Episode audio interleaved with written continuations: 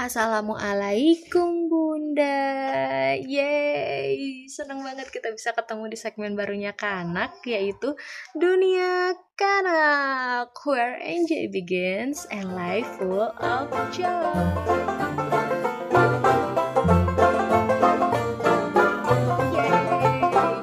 seneng banget, Minka excited banget, Minka seneng banget karena hari ini Minka bisa nyapa langsung bunda-bunda semuanya dengan suara Minka yang sangat merdu ini. karena biasanya kita cuma bisa uh, bertegur sapa lewat caption, lewat DM atau chat WhatsApp mungkin atau Instastory. Kali ini Minka bisa menyapa langsung bunda-bunda semuanya. Bunda-bunda apa kabar nih? Semoga dalam keadaan sehat semuanya ya. Si kecilnya gimana bun? Si kecil mulai aktif ya bun? Oke, okay, pasti pada bertanya-tanya nih, apa sih itu dunia kanak? Ciela. Jadi bonsai Dunia Kanak itu adalah podcastnya Kanak Penerbit atau Penerbit Kanak. Iya bolak-balik aja terus Minka penerbit Kanak yang mungkin di sini kita bisa berbagi cerita, kita bisa bahas tentang hal-hal menarik yang terjadi di sekitar kita, khususnya tentang parenting ya bun. Oke, tidak usah berbasa-basi lagi, karena ini episode perdana, cia. Episode perdana ini kita mau bahas cerita-cerita yang udah bunda kirim melalui kolom komentar di giveaway minggu lalu. Ayo, siapa yang masih ingat nulis apa di kolom komentar kemarin? Sekilas Min KPC seru-seru sih ceritanya karena membahas tentang uh, kegiatan seru di alam bersama si kecil. Uh, ini yang tinggalnya di pedesaan pasti banyak banget cerita sih. Kayak gak ngerti lagi. Pokoknya tuh kayak banyak banget cerita, apalagi alam gitu kan, pedesaan dekat sama alam tapi jangan sedih yang tinggal di kota juga. Bisa langsung ke alam bukan alam bah dukun ya. Garing Minka. Oke okay, uh, eh, kali ini Minka juga nggak sendiri nih bonsai Minka kali ini akan ditemani oleh salah satu tim kanak juga yang suaranya lebih merdu dari Minka pastinya. Dia yang akan membantu Minka untuk membacakan cerita-cerita uh, yang udah bunda kirim di kolom komentar giveaway kemarin. Hmm, penasaran, penasaran, penasaran? Sama saya juga, iya. Cus, segera kita langsung aja ke kamu Vi. Kamu Vi udah siap kamu Vi? Sepertinya sudah siap.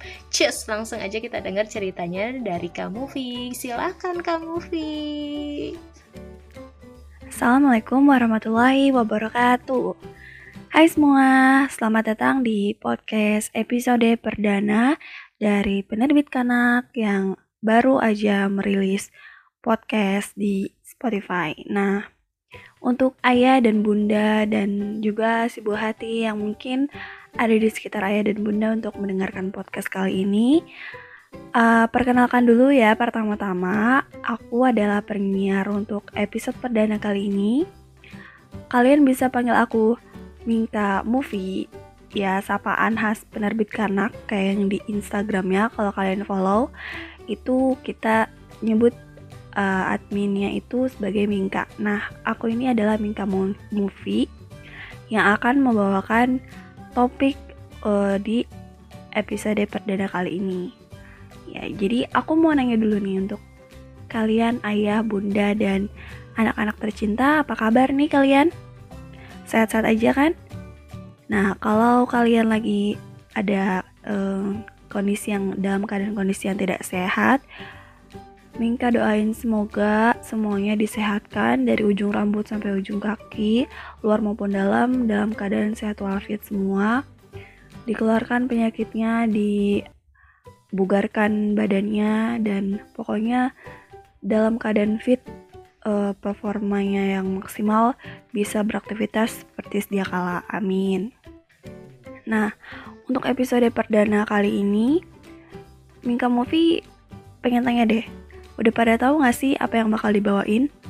Nah, kalau followers Instagram penerbit kanak pasti udah pada tahu ya, atau minimal-minimal bisa nebak-nebak lah apa yang bakalan dibawain pada episode perdana kali ini karena udah ada clue-nya. Jadi kalau kalian mau uh, tahu apa, kalian bisa cek dulu sebelum dengerin lebih lanjut.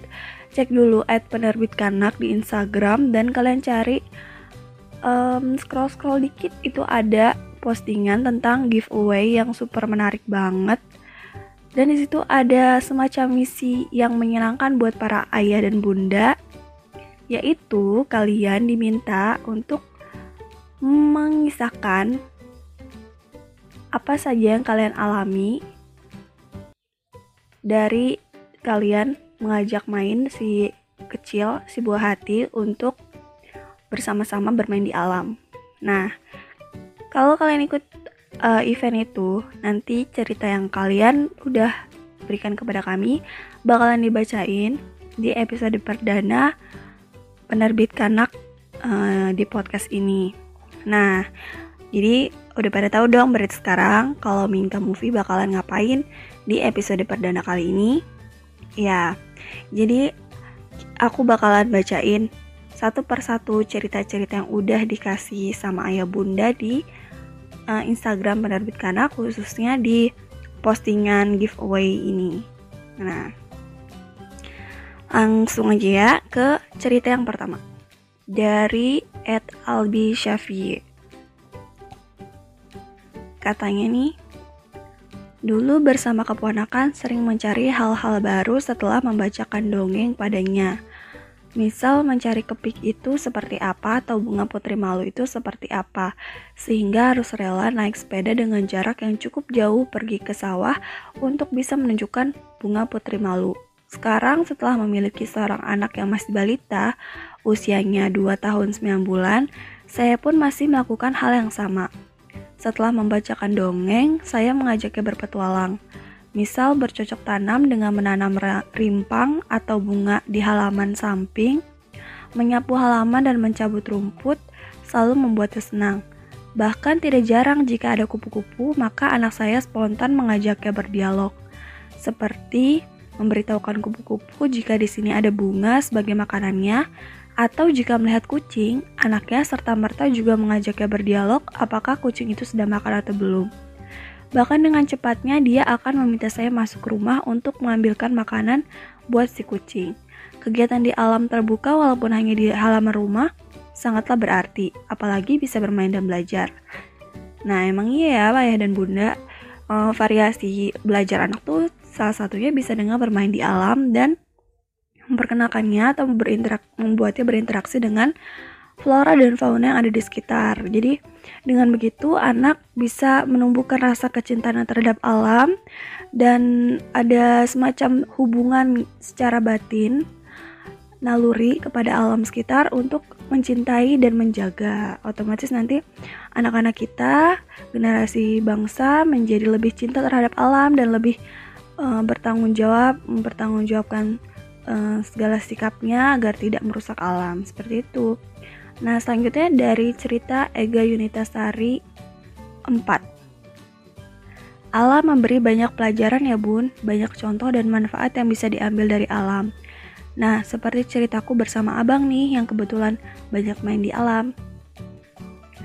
Maklum, kita tinggal di pedesaan. Bisa dibilang 80% abang main di alam, mulai dari bangun tidur sampai tidur lagi. Hehe, kita di sini punya pekarangan yang luas dan banyak ditanami sayur. Tiap mau masak pasti ada aja yang harus diambil dari kebun. Nah, ini kesempatan banget buat melibatkan anak untuk kegiatan ini ya, mulai dari bercocok tanam sampai panen. Abang senang banget pas saatnya menyiram dan panen sudah jadi kebiasaan malahan. Dia jadi nambah banyak kosakata tentang alam dan mengenal beragam jenis tanaman sayur hanya yang ditanam mama dan simbah seperti kangkung, bayam, kacang panjang, kemangi, daun ketela, kenikir, cabai, tomat, pare. Selain itu, bonus juga anak tahu banyak macam hewan-hewan kecil nama yang di kebun. Di sore hari biasanya abang suka banget main sepeda di pelataran halaman rumah, main layang-layang, main pasir, main hujan-hujan. Banyak hal yang bisa diambil dari main di alam. Layang-layang bisa terbang butuh angin, perahu-perahuan bisa melaju butuh air hujan, dan lain-lain. Asik banget ya main di alam. Jangan takut kalau anak main kotor-kotoran ya bun. Tetap dampingi dan beri penjelasan agar anak tumbuh dengan banyak ilmu yang bermanfaat. Salam peluk jauh dari Abang Arsen dari kota kecil Cepu Blora.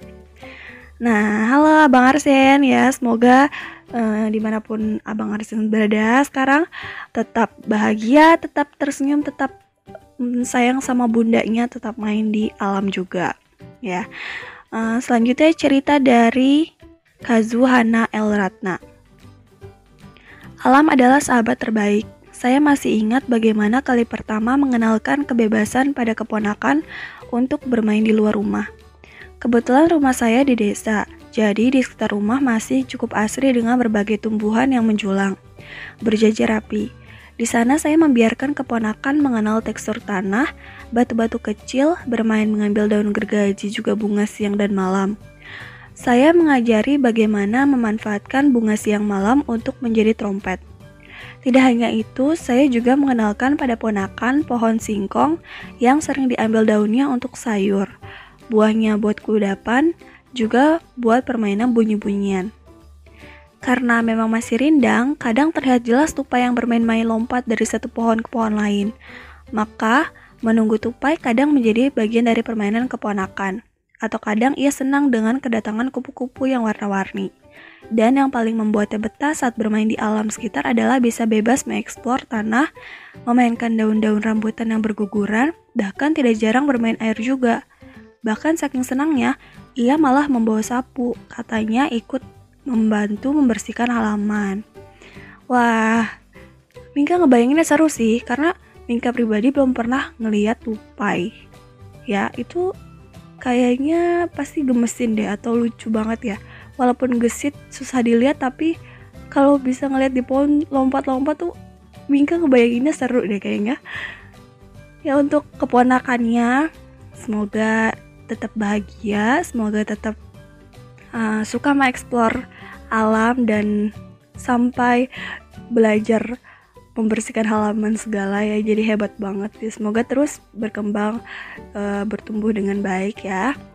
Selanjutnya dari cerita dari Triacis nah Bismillah ceritaku bermain di alam bersama Zafran Biasanya kami menghabiskan waktu hampir tiap hari mengelilingi desa yang kebetulan berada di dekat pegunungan Ciremai. Sudah pasti kami dikelilingi sawah. Ya, kami sering main juga di sawah, bertemu kerbau, kadang makan kam kadang kasih makan kambing. Walaupun kadang Zafran takut ketemu ayam dan bebek. ya anak kecil emang eh, kadang ada takutnya ya bun dan eh, kita sebagai orang tua ya tugasnya ngasih tahu kalau nggak perlu takut kita yang penting um, santai happy dan ajak aja terus interaksi hewan-hewan di sekitar pasti lama-lama anak terbiasa dan nggak takut lagi. Yang selanjutnya dari Hakusaf Hakusofa ya. Memiliki rumah di pedesaan selain indah juga sangat menyenangkan. Setiap hari bisa mengajak anak-anak bermain di sawah, mengenal jenis tumbuhan, hewan, dan juga mempelajari apa saja yang mereka lihat. Anak-anak tidak merasa jijik saat turun langsung ke lumpur atau sungai kecil di dekat pematang. Awalnya memang agak takut, tapi lama-lama mereka justru menikmatinya. Lebih menyenangkan lagi saat ada teman-temannya ikut bermain. Dunia terasa hanya milik anak-anak. Mereka tertawa lepas dan bahagia.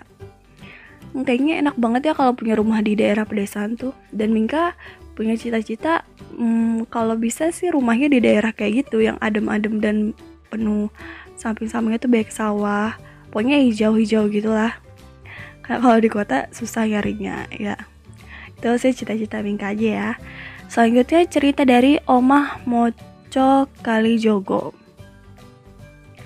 Memajukan negeri melalui literasi adalah visi dan misi kami dalam Omah Moco Kalijogo. Mempunyai konsep giat aksi literasi berkeliling dari dukuh, desa di setiap kecamatan se-Kabupaten Demak. Menyapa langsung masyarakat, menyalurkan energi positif tentang pentingnya literasi bagi masyarakat terutama untuk anak-anak. Tentunya memberikan pemahaman jika semangat literasi ini haruslah diberikan sejak dini dan juga memberikan media bacaan yang berkualitas sesuai dengan kebutuhan anak-anak. Yuk bersama mendedikasikan diri untuk kemajuan negeri melalui literasi dan dimulai sejak dini. Wah, ini uh, tujuan yang mulia banget ya. Jadi memelihara literasi, memajukan literasi bangsa agar generasi muda uh, anak-anak kita semua jadi generasi yang suka membaca dan gemar belajar. Ya, ini dari Omah Moco Kalijogo. Tolong koreksi ya, teman-teman kalau misalnya Mingka salah menyebut itu. Nah, selanjutnya cerita dari Meraki Rinjana. Rel kereta adalah taman bermain anak-anakku, juga anak-anak tetanggaku. Tentunya kala itu rel ini adalah rel mati yang sepi dari bising kereta api.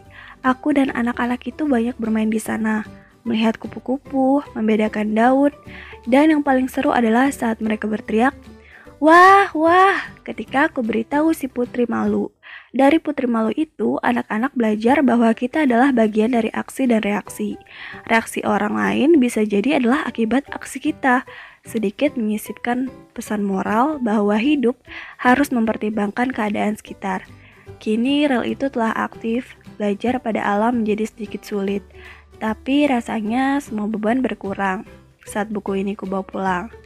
Kasih aku aja ya penerbit kanak bukunya, dukung Umi untuk mendapatkan buku ini ya jadi teman-teman yang hmm, ayah bunda yang mungkin nggak tahu apa giveaway yang akan diberikan dari uh, event ini itu adalah buku dari serial 4.0 judulnya ceritaku dan alam semesta jadi ini buku yang mengajarkan kepada anak uh, bagaimana bertanggung jawab bagaimana uh, memiliki prinsip-prinsip yang prinsip-prinsip sikap-sikap yang menunjang di era 4.0 ini gitu.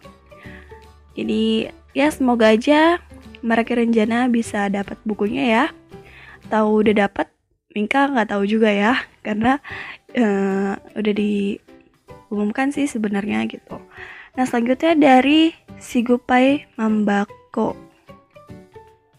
Kelas adalah alam, belum punya anak sendiri tapi sejak pertama kali jadi guru SD dadakan tahun 2016, selalu belajar dari alam. Misalnya waktu menulis tentang perjalanan pelajaran bahasa Indonesia, saya membawa siswa ke kebun kelapa karena tidak ada tempat terdekat di sekolah kami di kampung yang bisa didatangi untuk karya wisata. Anak-anak tertawa terus karena kebun kelapa biasanya mereka mencari kelapa jatuh untuk dijual setiap pulang sekolah agar didapat uang. Ini malah belajar di kebun kelapa. Jika belajar IPA misalnya tentang air, tanaman dan lain-lain semuanya ke alam, tidak ada belajar di kelas.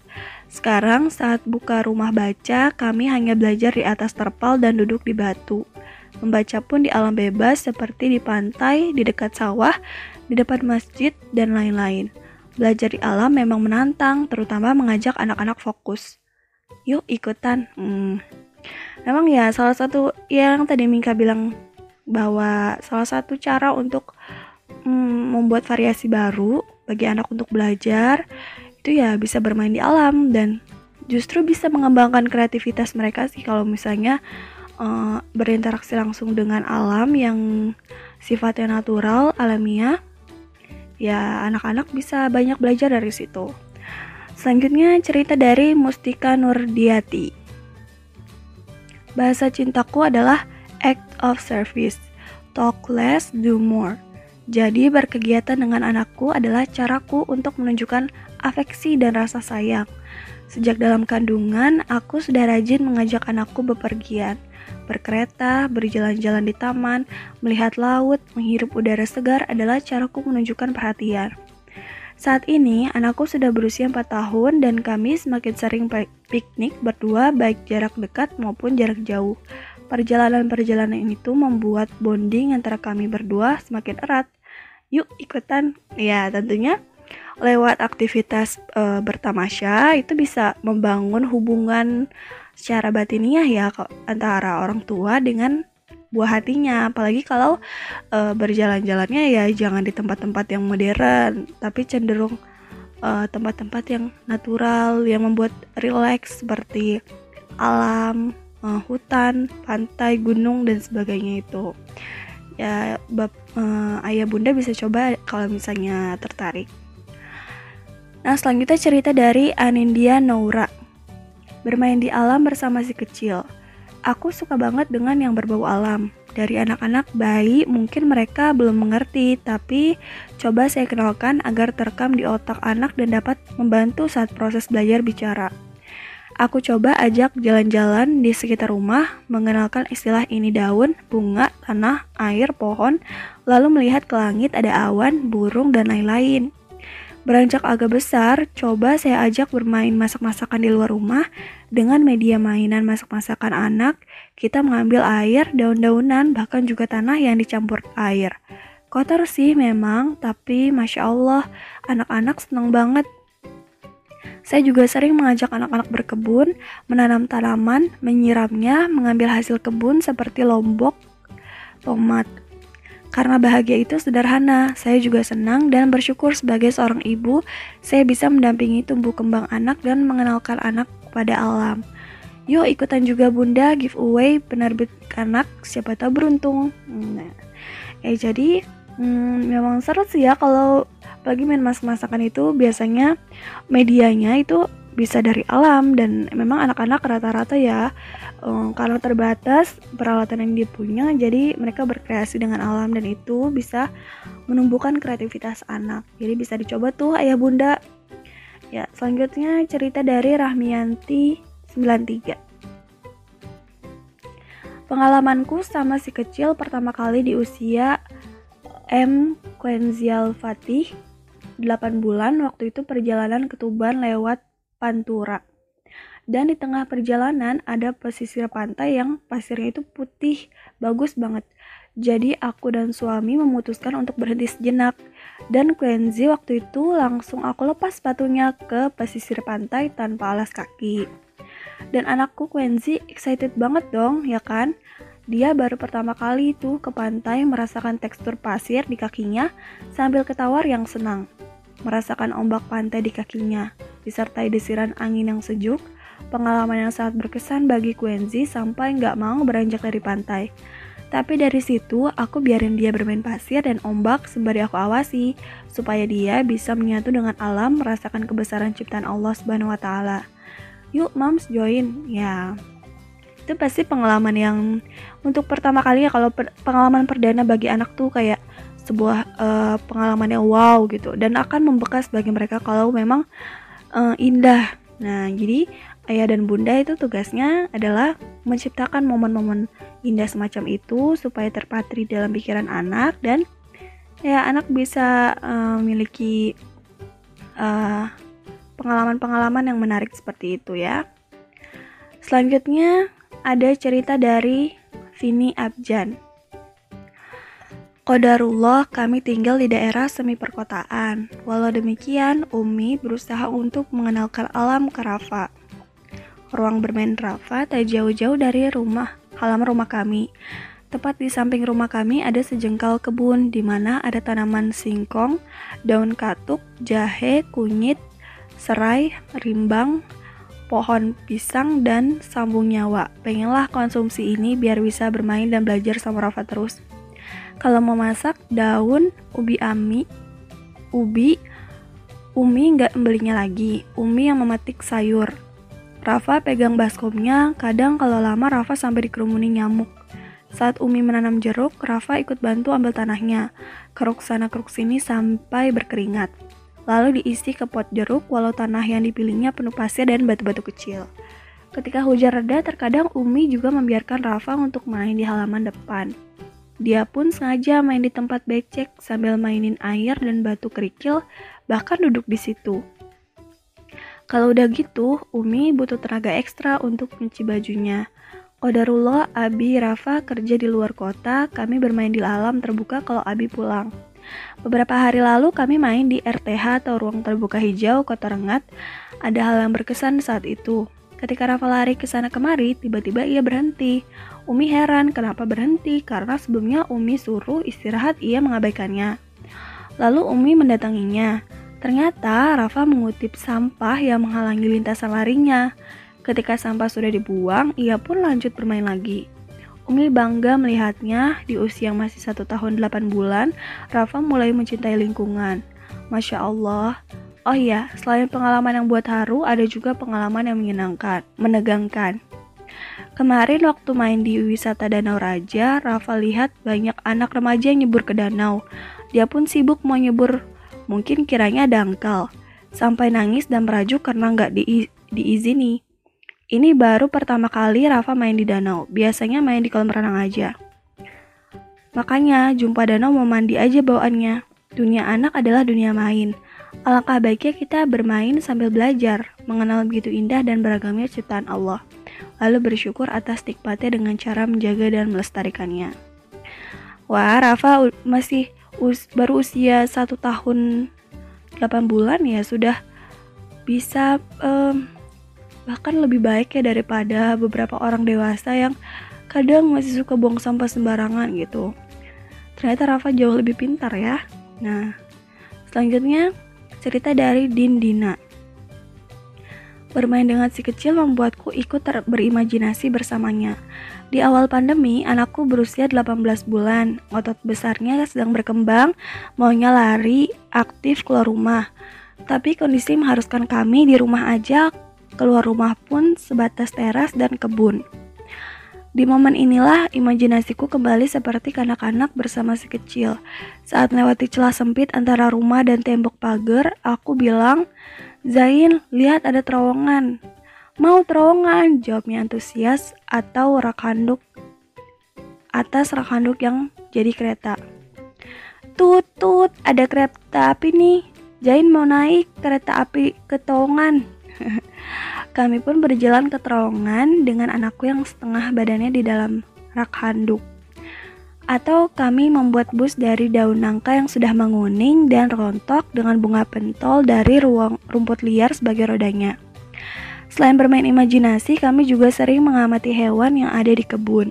Kami mengamati siput yang jalannya pelan, belalang yang sedang makan daun, dan menaruh telurnya di tanah berlubang, atau kucing yang sedang berburu belalang. Masuk usia 2 tahun, anakku sudah bisa diajak berdiskusi ringan. Seperti saat hujan, Zain lihat hujannya. Airnya turun dari langit. Allah yang mengatur terjadinya hujan. Lihat tuh, pohon-pohon basah, pohon-pohonnya jadi segar. Burung-burung juga pada senang bisa mandi hujan. Walaupun hanya bermain di teras dan kebun, tapi banyak hal yang bisa kami amati dan mainkan. Ini pengalaman kami bermain. Share ceritanya juga yuk, Mam. Hadiahnya menarik loh. Ya, jadi hal-hal kecil yang ada di alam sekitar aja, kalaupun memang ayah dan bunda tinggal di perkotaan yang jarang banget ada daerah-daerah yang hijau tetap aja di alam sekitar pun hal-hal kecil itu bisa jadi hal besar bagi si buah hati jadi uh, jangan takut atau sering-seringlah coba explore ke sekitar dan apa aja dibahas gitu supaya si kecil tuh mendapatkan informasi. Nah, selanjutnya dari Puput Cahayani. Bermain pertama kali di pantai bersama si kecil. Sejak mulai makan di pinggir pantai, si kecil sudah heboh mau lari menghampiri ombak. Padahal dia baru bisa jalan. Main pasir memang bukan hal baru bagi dia, tapi dia baru pertama kalinya melihat debur ombak dan pantai. Selesai makan, kita langsung lari ke arah pantai dan bermain pasir. Saya sempat mengira dia akan sedikit takut melihat ombak. Ternyata sebaliknya, dia justru sangat antusias berjalan ke arah ombak, bahkan senang sekali tertawa lepas penuh ceria. Bahkan dia tidak merasa jijik main pasir sambil merangkak mengejar ombak. Si kecil memang anak yang tidak kenal lelah, apalagi jika sudah merasa super excited. Bermain di pantai bagi saya memberikan banyak keuntungannya. Di samping mengajarkan anak dekat dengan alam, fungsi motoriknya juga baik terlatih.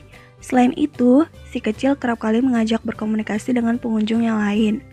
Ini pengalaman kami bunda, kalian juga boleh loh membagikan pengalamannya. Ya, jadi kalau bermain di luar, bukan di rumah, itu salah satu keuntungannya juga begitu ya, ayah dan bunda.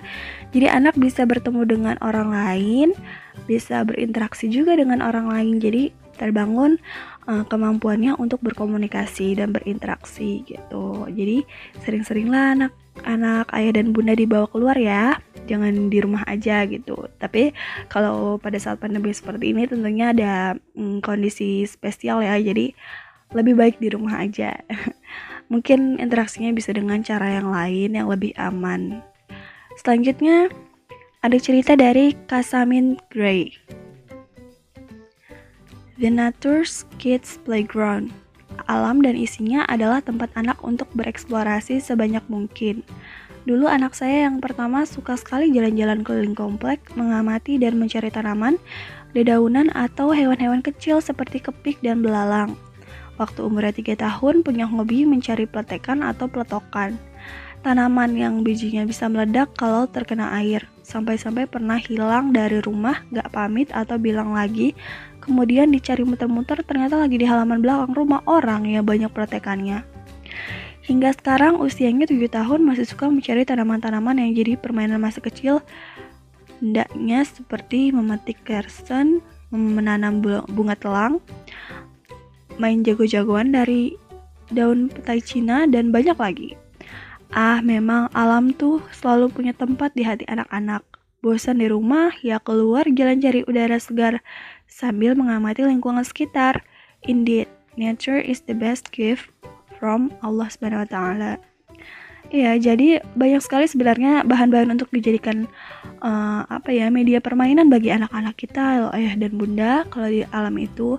Jadi Nah, sering-sering aja biarkan anaknya bermain di alam, asalkan diawasi. Dan kalau di kondisi seperti sekarang yang masa pandemi seperti ini ya, harus dijaga kebersihannya dan diperhatikan uh, sesuai protokol kesehatan atau tidak gitu. Jadi tetap aman. Selanjutnya cerita dari Elvira Jessica.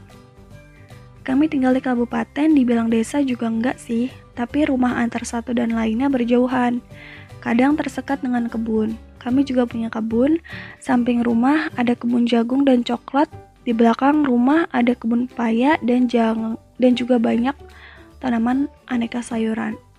Sedangkan di depan rumah halamannya cukup luas untuk bermain dan banyak tanaman. Jadi anakku hampir setiap hari bermain di dalam, bermain di alam.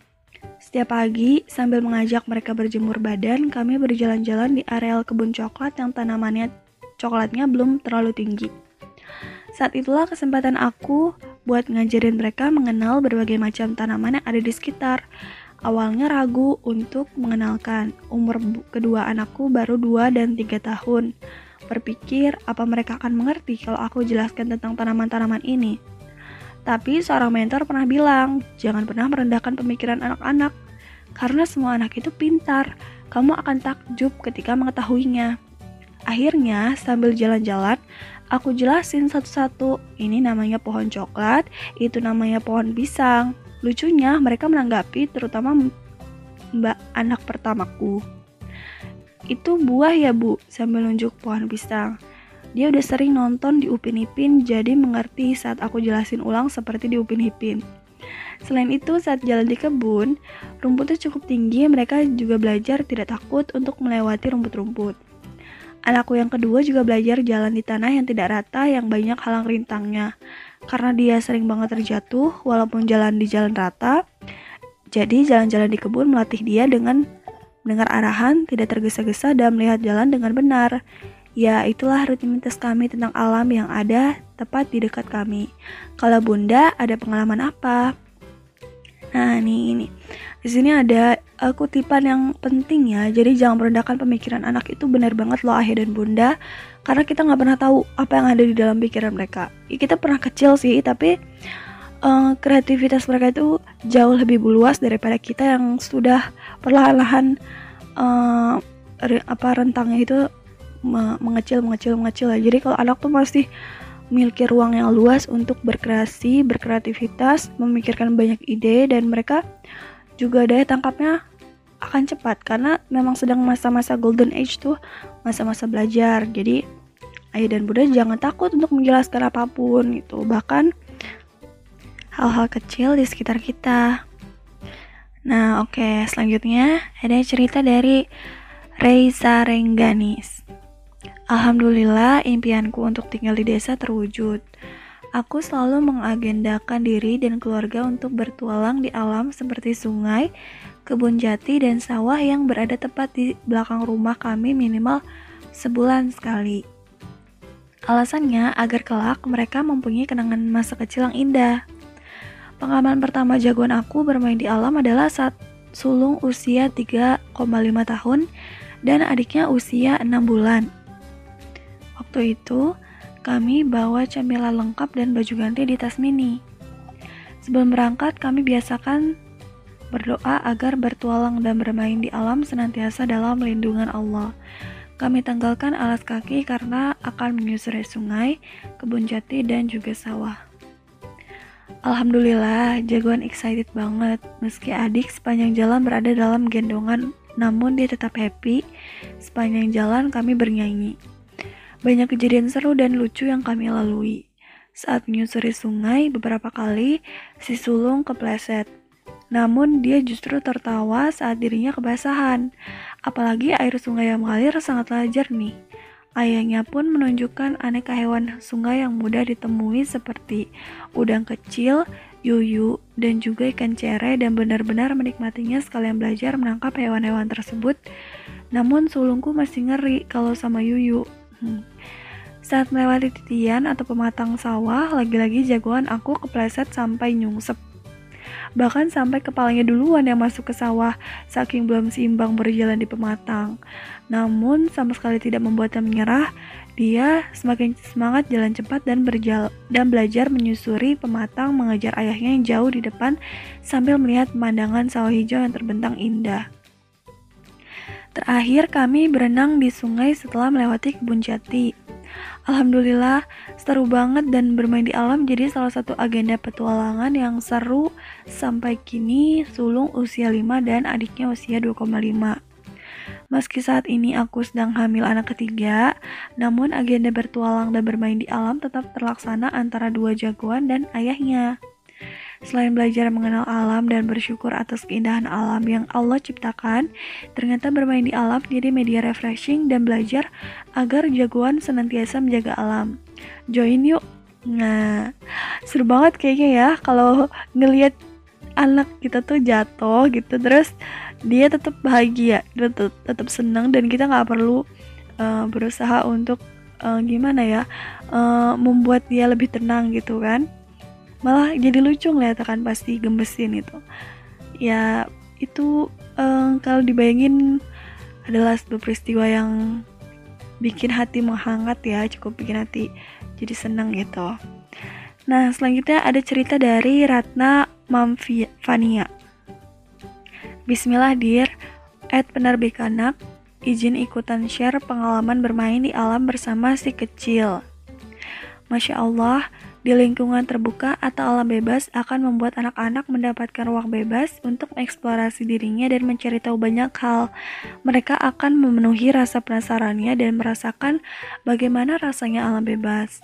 Pengalaman seperti ini sangat berharga bagi anak-anak dan mereka akan mengenangnya sebagai hal yang menyenangkan. Saya dan suami lebih suka mengajak anak main outdoor ke alam terbuka daripada ke tempat-tempat main yang indoor. Tapi alam terbuka favoritnya yaitu kebun belakang rumah di kampung. Ya, memang domisili di pinggiran kota ini jarang bisa nemuin tempat-tempat main di alam bebas. Nah, setiap pulkam, Fania sampai sangat senang kalau diajak jalan-jalan ke kebun belakang rumah yang bisa dibilang cukup luas. Udaranya sejuk karena banyak pepohonan yang rindang. Sambil bermain, Fania bantu-bantu nenek buat bercocok tanam. Entah itu cabe, terong, ada buah yang paling dia suka yaitu buah serikaya. Selain itu juga ada pohon pisang jambu, buah naga, pohon singkong, ada bunga-bunga yang cantik dan masih banyak lagi.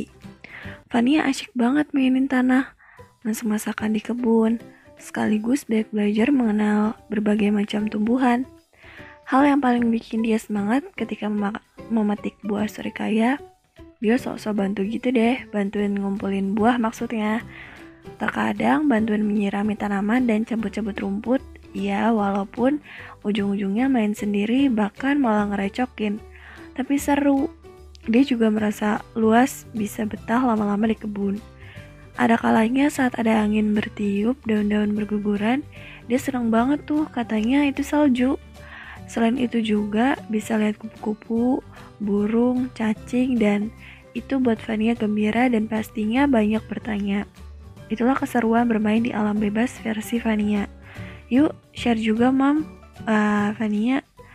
selain ngeliat-liatin tanaman juga suka berinteraksi dengan hewan, bereksplorasi dengan macam-macam yang ada di kebun itu jadinya uh, perangsang aktivitasnya untuk bertanya selalu merasa penasaran dan mencari pengetahuan. Jadi ini bagusnya uh, bermain di alam adalah kayak gitu juga ya ya bunda.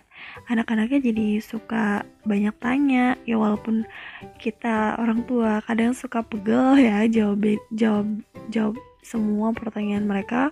Yang aneh-aneh pastinya tapi itu bisa membantu mereka untuk melatih mereka agar lebih berpikir kritis uh, mempertanyakan semua hal ya jadi nggak selalu apa yang ditangkap dia akan langsung dicerna gitu aja. Dia akan lebih mempertanyakan dulu mencari tahu kebenarannya baru dipahami eh, atau diikuti. Seperti itu.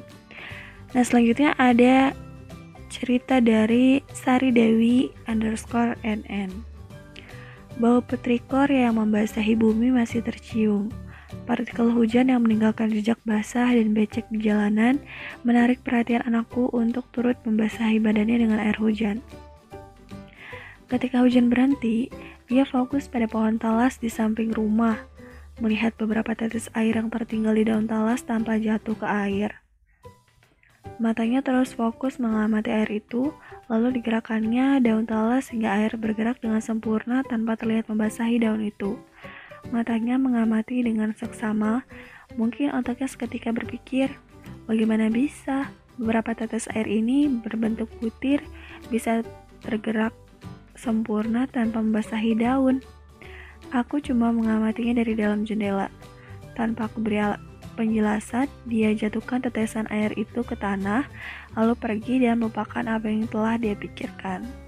Ya, jadi membiarkan anak bermain di alam juga bisa membuatnya uh, selain berpikir kritis juga bereksperimen dengan alam dan mencari pengetahuan sendiri darinya. Jadi ayah dan bunda terkadang tidak perlu menjelaskan dengan kata-kata. Biarkan anak terjun langsung bebas bereksplorasi di alam sendiri. Baru nanti deh kalau mereka ada pertanyaan, ayah dan bunda bisa menjawab pertanyaan-pertanyaan mereka seperti itu. Nah, selanjutnya ada cerita dari buku Murah Anak. Anak saya dua. Dulu waktu kakaknya kecil, kita masih sempat jalan-jalan ke gunung, ke air terjun. Karena pandemi, kita jadi nggak pernah ke mana-mana nih. Sedih deh. Tapi alhamdulillah masih bisa ke lapangan dekat rumah sambil melihat bunga dan pohon, ke kafe kecil yang ada kebun sayurnya dan main di depan rumah aja udah seneng banget sambil nyiramin tanaman. Semua kami nikmati dan syukuri.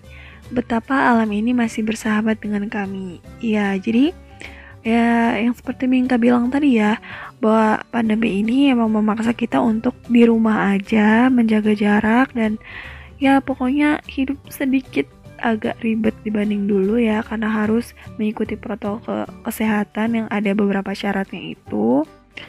Jadi e, memang terbatas sih kita kesempatan kita untuk bereksplorasi di alam, tetapi hmm, tidak bukan berarti peluang untuk kita mengajak si buah hati bermain di alam itu jadi benar-benar hilang ya karena di sekitar kita pun yang terdekat sekalipun itu ada kalau kita mau uh, ya niat gitu membawa anak anak kita untuk ke sana.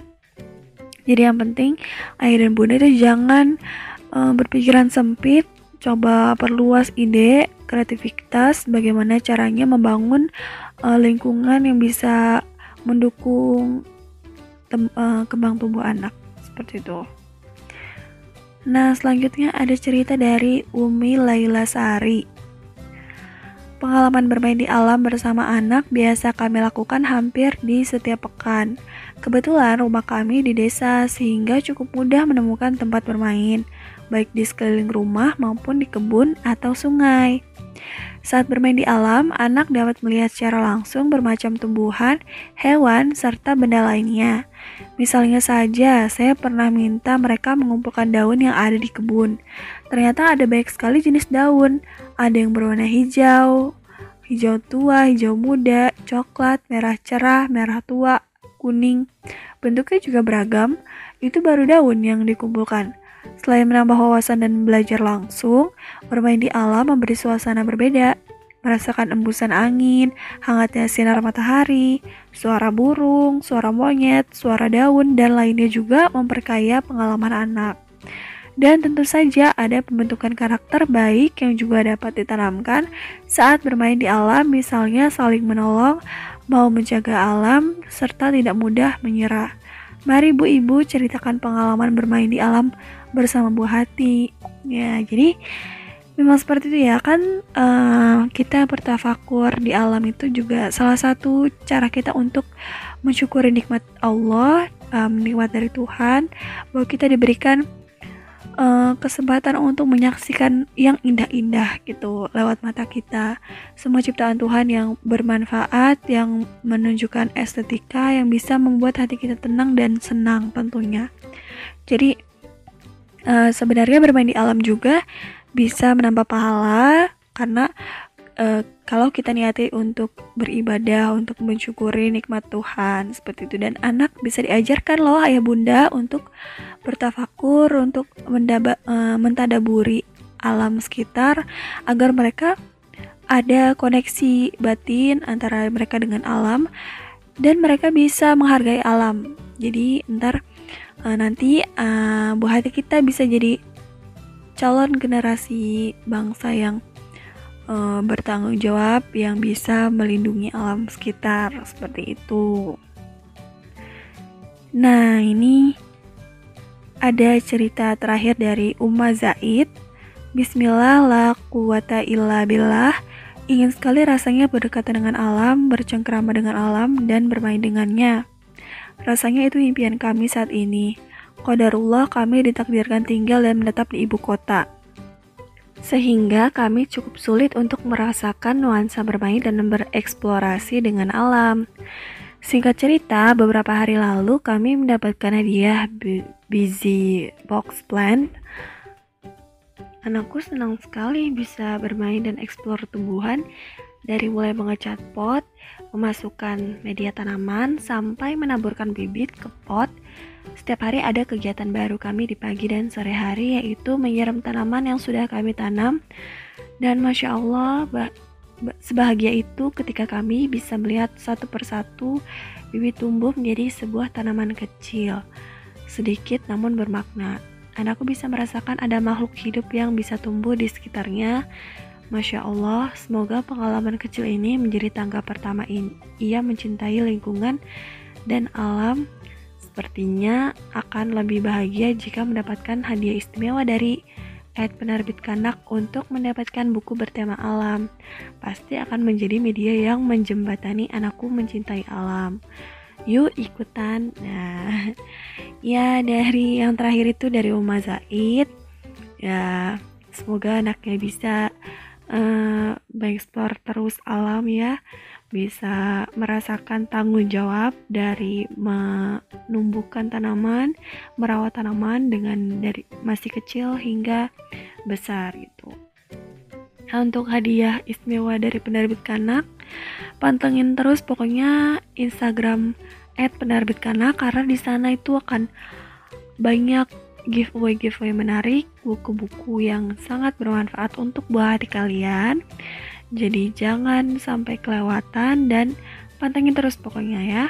Selain itu juga ada banyak konten-konten menarik perihal parenting maupun eh, games-games unik yang bisa dimainkan bersama buah hati. Jadi pokoknya nggak bakal rugi deh kalau misalnya ayah dan bunda coba lirik-lirik akun at penerbit kanak ya kan? Daripada liriknya ya shop uh, all shop all shop mulu gitu kan malah menguras duit. Nah mendingan coba explore kayak di alam ya.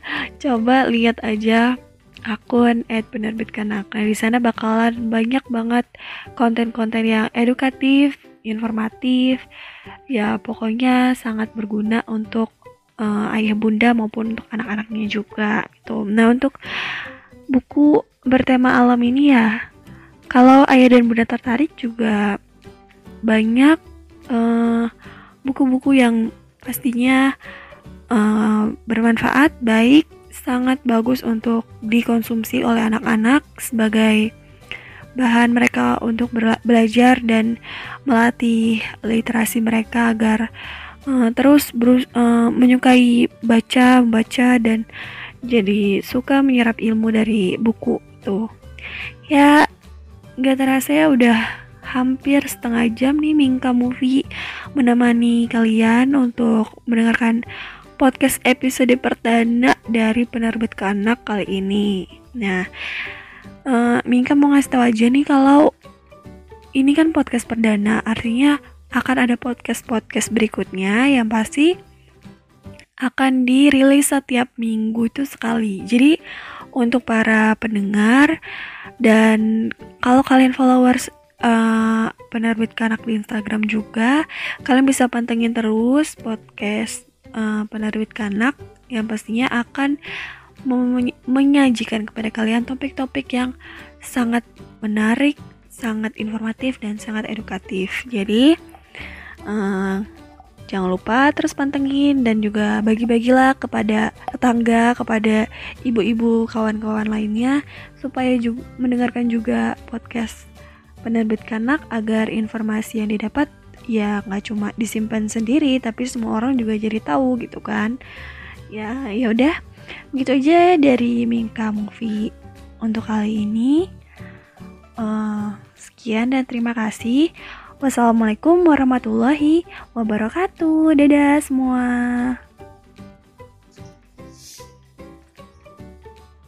Oh, ceritanya tuh seru-seru banget. Kayak kayak Minka tuh langsung flashback gitu loh, Bun, ke masa kecilnya Minka, di mana Minka masih suka main ke sawah, main ke sungai, nggak ada orang dewasa yang jagain, pulang-pulang diomelin, ih, pokoknya tuh kayak seakan memori masa kecil Minka tuh terbangkitkan gitu. Iya. Oke, okay, terima kasih kamu Vi sudah mau membantu Minka untuk membacakan cerita-cerita dari bonsai-bonsai di seluruh Indonesia ini. Bonsai ya, bukan bonsai. Bonsai, bunda sayang cinta banget Minka sama bunda-bunda semua ini memang jadi uh, dari cerita-cerita yang sudah dibacakan ternyata bermain di alam dengan si kecil itu tidak semenyeramkan itu ya. Banyak uh, di waktu dan kejadian yang tepat bermain di alam dengan si kecil itu ya sangat menyenangkan gitu. Bisa banyak uh, melatih si kecil bisa menambah kenangan bersama si kecil gitu. Jadi ya berani kotor itu baik. Itu iklan apa ya Oke, okay, buat bunda semuanya, kita sudah tiba di penghujung acara. Minka mau ngingetin nih sedikit aja bun, jangan lupa share, like, comment, subscribe channelnya. Kanak, mau itu YouTube, podcast ini, follow Instagramnya @penerbit kanak beli bukunya yes of course itu jangan sampai enggak ya karena bukunya keren-keren banget bun. Sekali coba pasti mau lagi. Apa sih saya? Oke okay daripada nanti Minka manjang lagi, kita harus sudahi sampai sini. Jangan sedih, Jumat depan kita akan bertemu lagi dengan Minka dan tim kanak lainnya di acara Dunia Kanak, where enjoy begin and life full of joy. Bye.